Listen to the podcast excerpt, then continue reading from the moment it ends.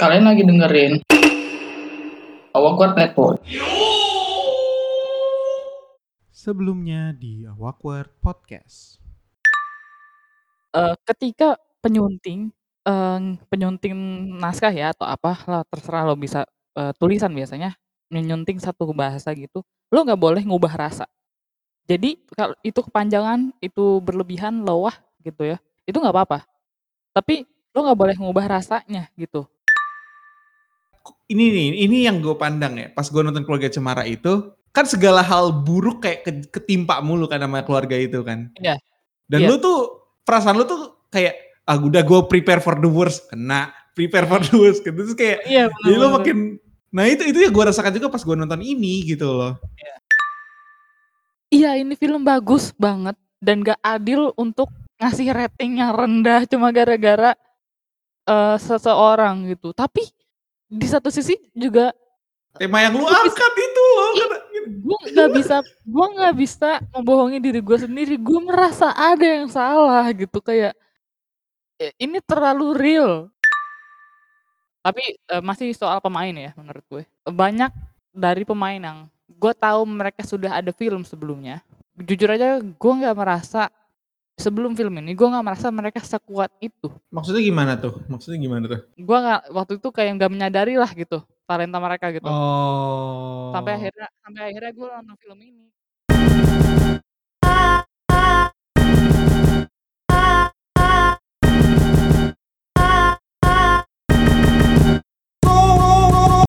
Oke, kita udah break. Seperti filmnya kita harus pause dulu. Tarik nafas dulu.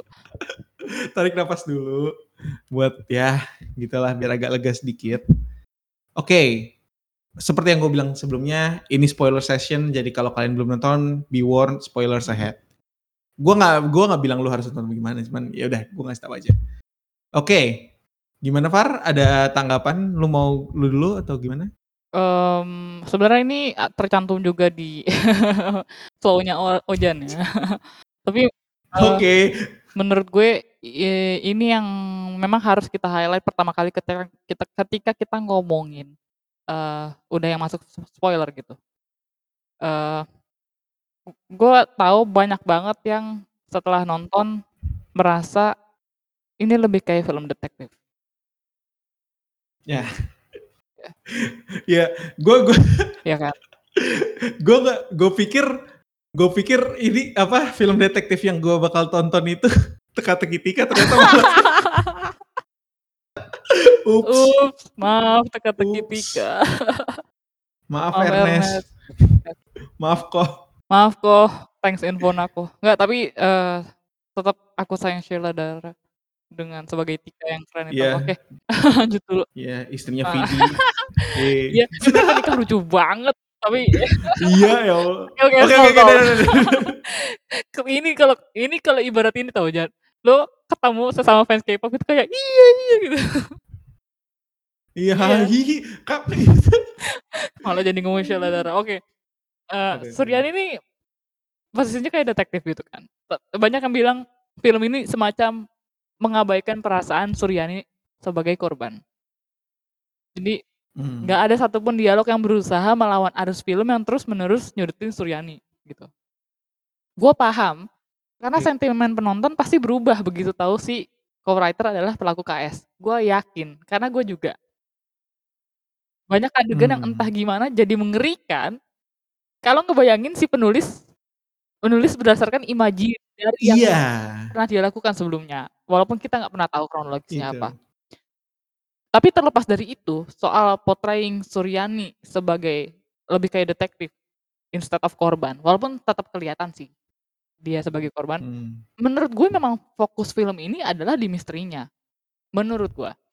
Ya, Cari tahu siapa betul, pelakunya. Betul. Soal validasi perasaan tokoh Suryani sebagai korban KS, gue rasa udah cukup kelihatan ya. di beberapa momen saat Mem ya, dan di beberapa momen saat Suryani dan, udah nggak mampu menahan ya. amarahnya dan kekecewaannya saat dia nangis di kamar Amin. Betul betul. Atau saat dia darah rendah deh waktu dia tiba-tiba jatuh gitu. Iya. Terus, uh, di pelukan iya. ibunya dia nangis, bahkan dari ekspresi wajahnya kayak yang gue bilang hmm. tadi, dari ya, makanya gue bilang Shenina, hmm. uh, bermain peran yang sangat besar terhadap emosi di film ini, karena acting dia gitu. Gue malah sebenarnya Betul kalau dari gue betul. nih, gue malah cukup senang karena Penyalin Cahaya nih ngasih perspektif baru dari film yang ngangkat tema KS. Betul sih. Karena Iya sih, biasanya kita betul ngelihat gimana korban KS ini survive dengan menampilkan ya dari kejadian, kondisi terpuruknya sampai akhirnya bisa berdamai gitu kan. Biasanya gitu kalau film soal ngangkat tema KS. Yang itu nggak salah juga, nggak Mhm. salah juga, bagus untuk empowerment. Tapi kalau lo nyari empowerment emang di sini nggak kelihatan. Tapi di sini Dan memang bukan intention-nya sih gua rasa juga. Iya, Memang makanya gue bilang intensi dari film ini adalah mencari kan. Misteri. misteri, betul betul. Apa, kalau gua sih mandangnya ya emang sebenarnya sebenarnya gue sendiri nggak merasa film ini tuh pengen ngangkat tentang Iya, KS, bener. tapi Pembukaannya juga bukan soal KS kan. Suryani yang mabok kehilangan beasiswa gara-gara fotonya di-upload gitu. Nah itu itu itu itu yang karena gue pikir ini nih apa, basisnya dia ini dia marah bukan Mhm sedih, bukan maksudnya mhm. bukan KS-nya trauma itu gitu. Tapi ketika Iya. ke-reveal iya ketika reveal, eee, ternyata itu punggungnya Suryani dan itu emang baru dikasih momen buat bernafas gitu. Jadi emang ketika ada argumen tentang Suryani ini digambarkan sebagai detektif dan film ini sangat jadi misteri-misteri, ya memang Bilang intention-nya gitu. begitu. Iya betul. Emang niatnya adalah itu. Bahkan menurut gue saat kelihatan tiba-tiba ini ngarahnya ke KS, gue malah jadi lebih deg-degan. Iya itu itu. Karena itu nggak kelihatan sebelumnya.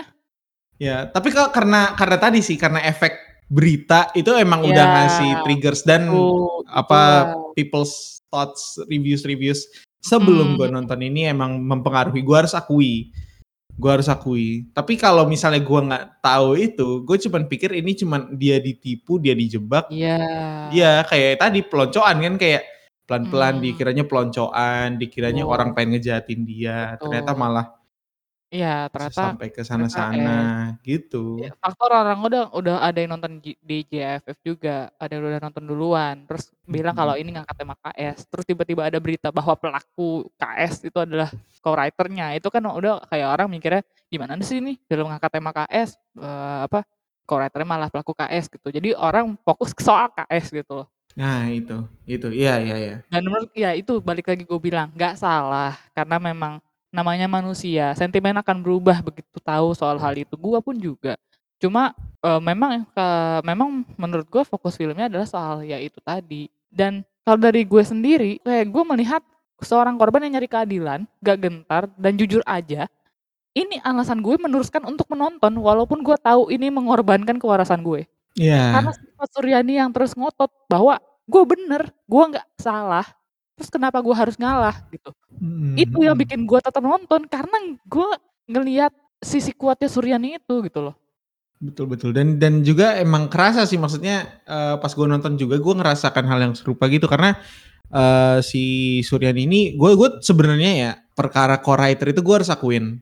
Mhm. Ini mempengaruhi gue banget karena gue ngerasa kayak, eee, ah gue tuh sak gue tuh terlalu negative minded, gue mikir kayak, "Nih penulisnya kayak pengen banget sengsarain si orang ini sih," tapi gue kayak Iya iya iya. iya kayak kayak maksudnya Bener kayak bener bener. kayak seakan-akan tuh ini cuman yang terutama pas dia ketahuan dia foto-foto sendiri, dia dia yang upload sendiri ya, itu kayak Mhm. lu pengen banget si apa, ternyata dia cuman halu gitu loh. Iya bener, Dan gue nggak nah iya gue juga tetap paham kenapa orang kayak agak marah soal itu, karena akhirnya ya kan kayak ada ini ya, saut-sautan juga kayak, "Sur Sur, foto sendiri, upload sendiri," gitu kan. Mhm Celetukan-celetukan di mhm. dalam film tuh, ketika lo mikir tentang si penulisnya, ya lu pasti kayak, "Ah," gitu ya kan. Mhm. Dan dan sebenarnya juga kalau kita ngomongin tentang ininya ya, motivasi si Sur ini kan, dia itu alasan awalnya itu karena dia gagal beasiswa kan. Iya. Dia ini pengen ngebajak HP temen-temennya itu karena dia peng dia gagal beasiswa, terus cari tahu siapa yang ngupload di story, eh ngupload di Iya. Instagram dia. Karena itu penyebabnya tuh, penyebab dia ditolak beasiswa karena itunya. Iya, bener. Nah, tapi Heeh. satu satu lagi nih, itu kan dia kan beasiswanya dicabut gara-gara sosial media. Media sosial, Mhm. maaf bahasa Indonesia media sosial.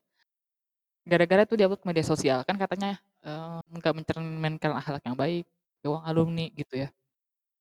Pertanyaan besar gue, bener yang foto itu Sur? Tapi yang upload siapa men? Itu nggak ker nggak Nah itu, itu, Yang itu. lahir. Ma- ma- kalau kita ngomongin plot hole ya, mari Ah. kita sebutkan satu persatu. Kenapa Slokinya warna merah nggak dijelasin sampai selesai film? Iya karena Slokinya beda sendiri. Iya bener nggak ada obat masuk tapi Slokinya beda sendiri. Makanya kan itu itu sebenarnya gue gue jadi agak confused sama ininya sama motivasi dia gitu. Kalau motivasi dia ingin eh, membuktikan bahwa dia dijebak sama orang, ternyata dia itu salah dia sendiri dan dan perkara Instagram ya eh, udah gitu. Tapi itu itu makanya di situ tuh sebenarnya gue pause far. Gue pause, gue berhenti. Gue gua ngantar kakak gue ke kantor. Kayak gue bener-bener kayak breaknya jauh gitu. Gue setengah jam Iya. itu kan setengah film kan. Iya. Iya kan, Hmm. pas dia nonton CCTV itu setengah film. Iya. Itu gue berhenti, gue berhenti, gue gitu-gitu udah apa sholat segala macam makan, nonton, nah baru dari situ gue lanjut lagi.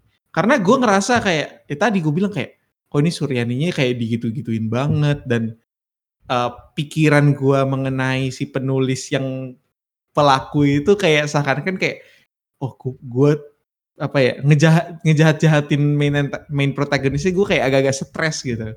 Iya. Tapi eh, kalau ngomong soal narasinya sebenarnya tadi dia berubah gitu haluannya.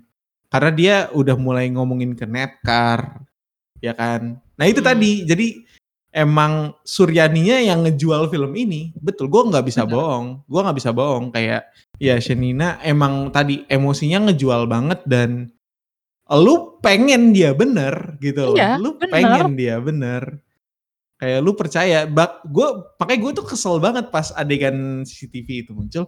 Gue udah kayak duh gue lose faith banget gitu. Tapi dia masih punya proof tentang netcar netcar itu. Dan gue kayak oke oke you know what? Ya gitu. Dan itu juga di scene menurut gue itu salah satu scene terbaik di film ini sih scene CCTV karena itu yang bikin gue kagum sama siapa? Sama Jerome. Jadi tarik Iya, di sini kayak ngomongin tentang obat yang dia kesel sama si siapa temen ceweknya yang sutradara itu. Ya dia kesel sama Anggun karena nggak percaya gitu. Dan itu gue kayak Itu sold turning gitu. point gue minta pengen minta maaf ke tokoh fiksi gitu. Karena Ya. udah suzon sama Tarik sepanjang film.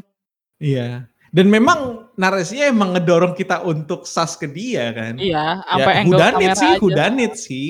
Whodunit gimana sih? Kayak Knives Out gitu loh. Iya, kayak Murder on Orient Express gitu lu di iya. arahin buat oh kayaknya dia nih padahal bukan gitu Mhm. ya gitu Gokil sih emang. Ya, makanya gue bilang eh, ini lebih ke film untuk ya whodunit benar nyari tahu. emang ya, sorry misteri, say emang buat misteri. kalian berharap ini empowerment gitu mungkin ya karena Sa- eh, ini salah ya, salah harap salah harap Salah gitu harap. salah harap atau memang karena dari review-review yang udah ber- berkeliaran ya Heeh. soal KS gitu ya walaupun dia di ending filmnya juga memang ada soal kayak lo kalau ngerasa apa mendapatkan akun KS segala macam hubungi yang tadi wa- wanna talk about it.com kan itu kan juga ada Hmm. hubungannya jadi ya mungkin gak salah juga buat orang-orang yang udah berharap ini soal eh eh, apa ya kayak ngangkat tema KS tapi ya at the end gue tetap gue tetap merasa ini ya film misteri gitu nyari tahu Hmm. Nah, kalau gue pilih satu scene yang bener-bener gue kayak, wah ya ini ini gini banget. Kalau lu apa? oh gue, oh lu mengharapkan gue ngomong? iya maksudnya lo dulu Oh, oh, oke oke oke. Kalau gue, eh, menurut gue scene yang bener-bener bikin gue shock ya. Iya. Itu makanya sebener- sebenarnya kalau gue harus jujur, kan gue kan gue bilang gue berhenti di tengah-tengah ya, Far ya, di scene CCTV. Iya. Itu sebenarnya waktu yang salah. Karena setelah adegan CCTV, gue makin stres. Eh, build up ke sini ini gue juga harus apresiasi bagaimana mereka bisa nge-build adegan gitu. Kayak Iya. pas si eh, Rama ya, pas Ramanya nge-screenshot gue udah kayak aduh stres, stres gitu. Gue bener-bener gak tenang dan emang dia build up ke adegan yang gua gua cukup yakin kayaknya ini adegan favorit lu juga.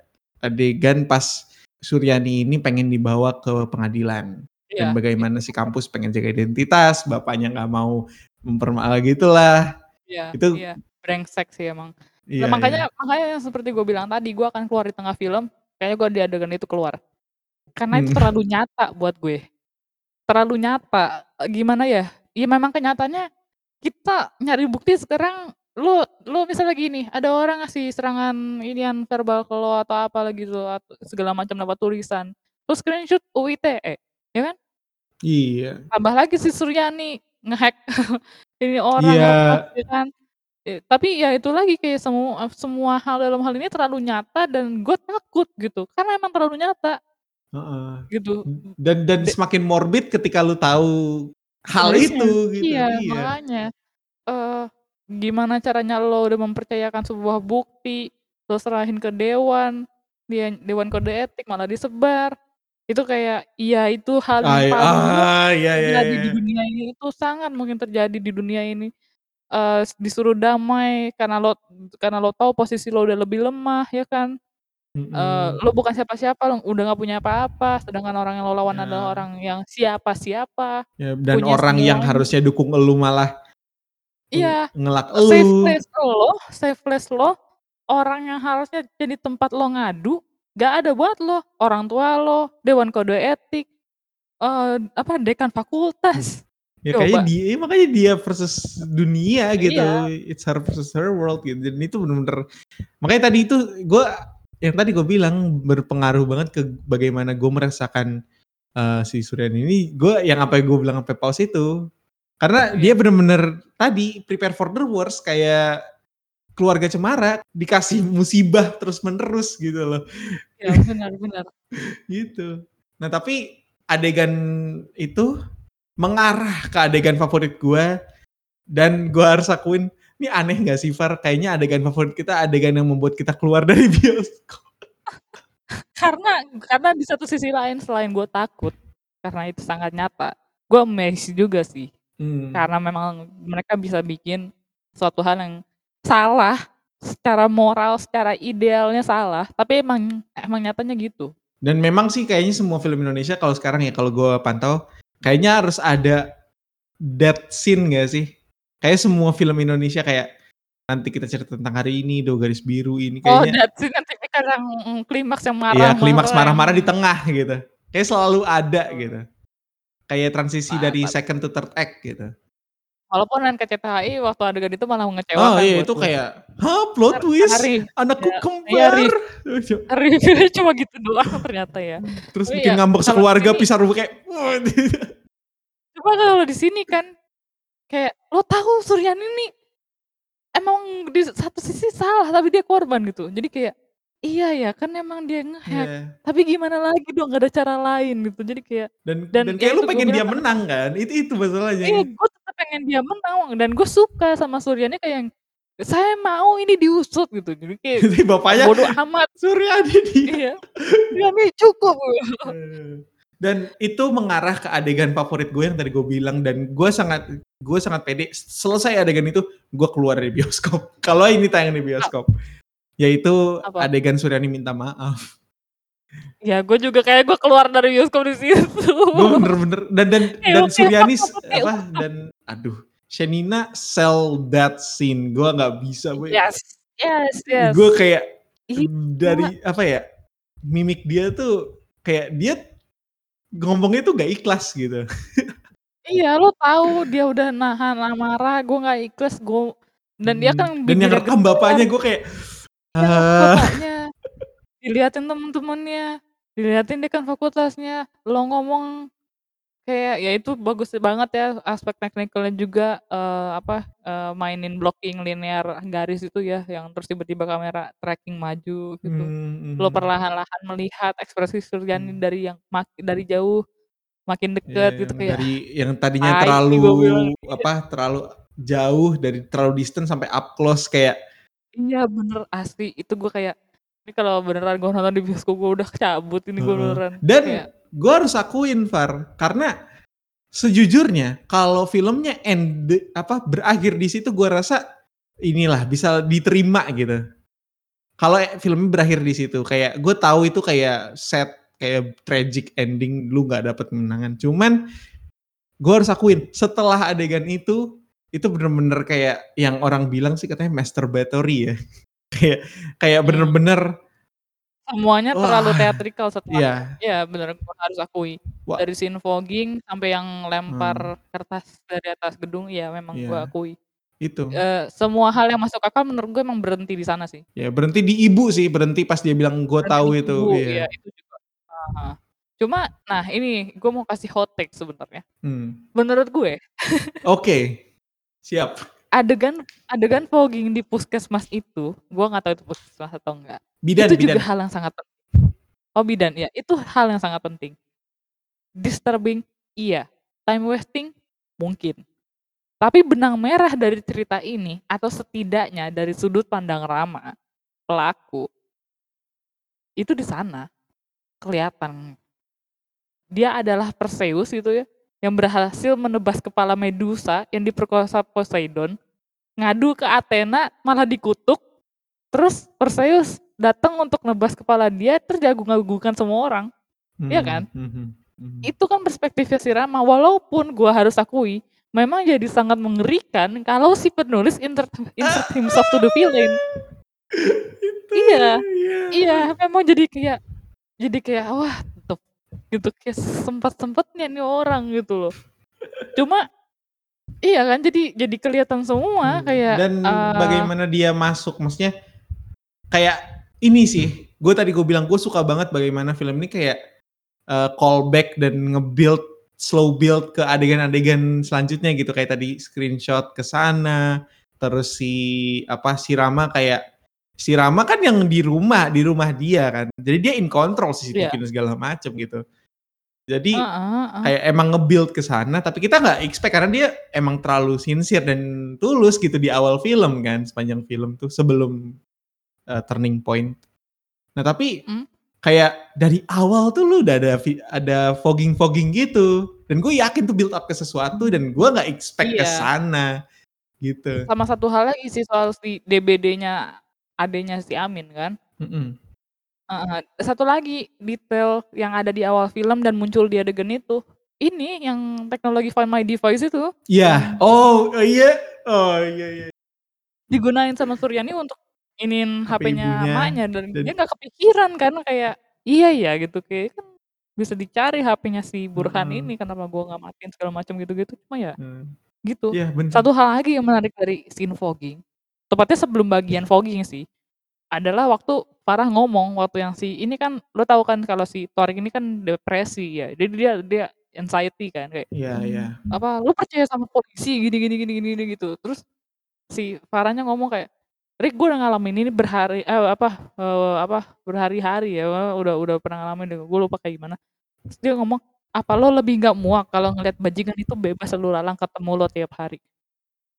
Ini jadi tau nggak Uno reverse card Ah. ke penulisnya men. Iya dia dia. iya kan Iya iya iya. makanya kenapa gue bilang setelah film ini selesai gue merasa ada yang salah Itu. ya karena karena karena kenapa ya terlalu nyata dan ya gitu Hmm. gue gak bisa kata-kata tau nggak Aduh, emang. Dan scene ini sih apa sebelum itu ya scene sebelum scene fogging ya. Mhm. eh, pas adegan si apa mereka bertiga nih jadi kayak komplotan itu. Iya. Ya itu gua ini sih kayak gua rasa itu makanya ya kayak terlalu teatrikal, terlalu fiksi. Tapi gua nggak membayangkan orang sampai seberjuang itu untuk ini untuk cari pembenaran gitu dan tapi ya tadi ketika gue udah mulai ngelepas ini ngelepas otak gue dan gue pikir oke fix ini film misteri gue nggak terlalu perlu anggap ini terlalu realistis. Setelah adegan tadi ya eh bunda. Itu sih jadi gue ngerasa adegan itu ah seneng sih gue nontonnya sebenarnya. Puas. Dikasih puas gue di situ. Cuman eh, Ya, walaupun eh balik lagi ya kayak memang gua harus akui setelah adegan minta maaf itu kayak semua berjalan sangat teatrikal. Either lo bakal enjoy karena ada filosofi-filosofi di baliknya atau lo kayak merasa terlalu filosofis udah gitu. Lo ada di side yang mana? hmm, dan terlalu distant sama sepanjang film Heeh, heeh. terlalu beda banget Iya. Eh walaupun gue suka banget sama akhir ceritanya yang mereka bersuara dengan mm, Amelia ya mesin fotokopi itu ada yang sisi yang kayak harusnya berakhir lebih baik dari ini gitu.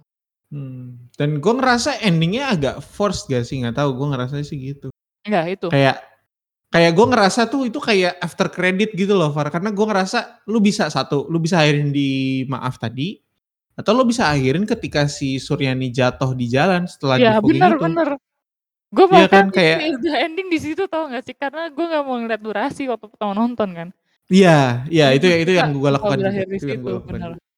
Cuma ya iya Hmm. itu lebih ke lebih ke uh, buat ini aja sih sekedar kayak biar oh bikin orang lebih Hmm, biar biar open ending aja Iya, biar, biar lebih ini aja. tapi lu nggak ya tadi gue bilang baik lagi ke review awal kayak walaupun diakhiri dengan apa dengan relief gue nggak merasa relief karena terasa force dan ya tadi Tapi di satu apa apa? it doesn't solve anything gitu Iya maksudnya benar kayak ya Bener. gak ada im- after impact itu kita juga nggak bisa lihat gitu kita cuma lihat mereka stood up udah gitu Tapi terlepas dari mungkin ada hal yang tidak masuk akal ya eh, di beberapa bagian jelang akhir, menurut gue eh, itu adalah ya unik. Memang keunikan itu yang dijual dari penyalin cahaya.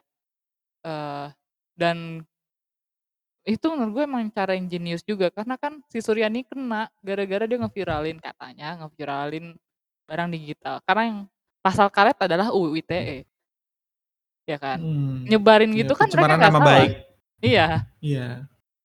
Dan iya itu kayak ya mungkin ya mungkin caranya untuk mengakhiri film dengan eh, hal teatrikal kayak gitu ya ada maksudnya juga kayak eh, lo apa eh, eh, apa namanya masih banyak yang orang yang bakalan stood up buat lo walaupun pada akhirnya nggak ada kemenangan yang diraih ya kan? Untuk untuk korban. Iya untuk Suryani.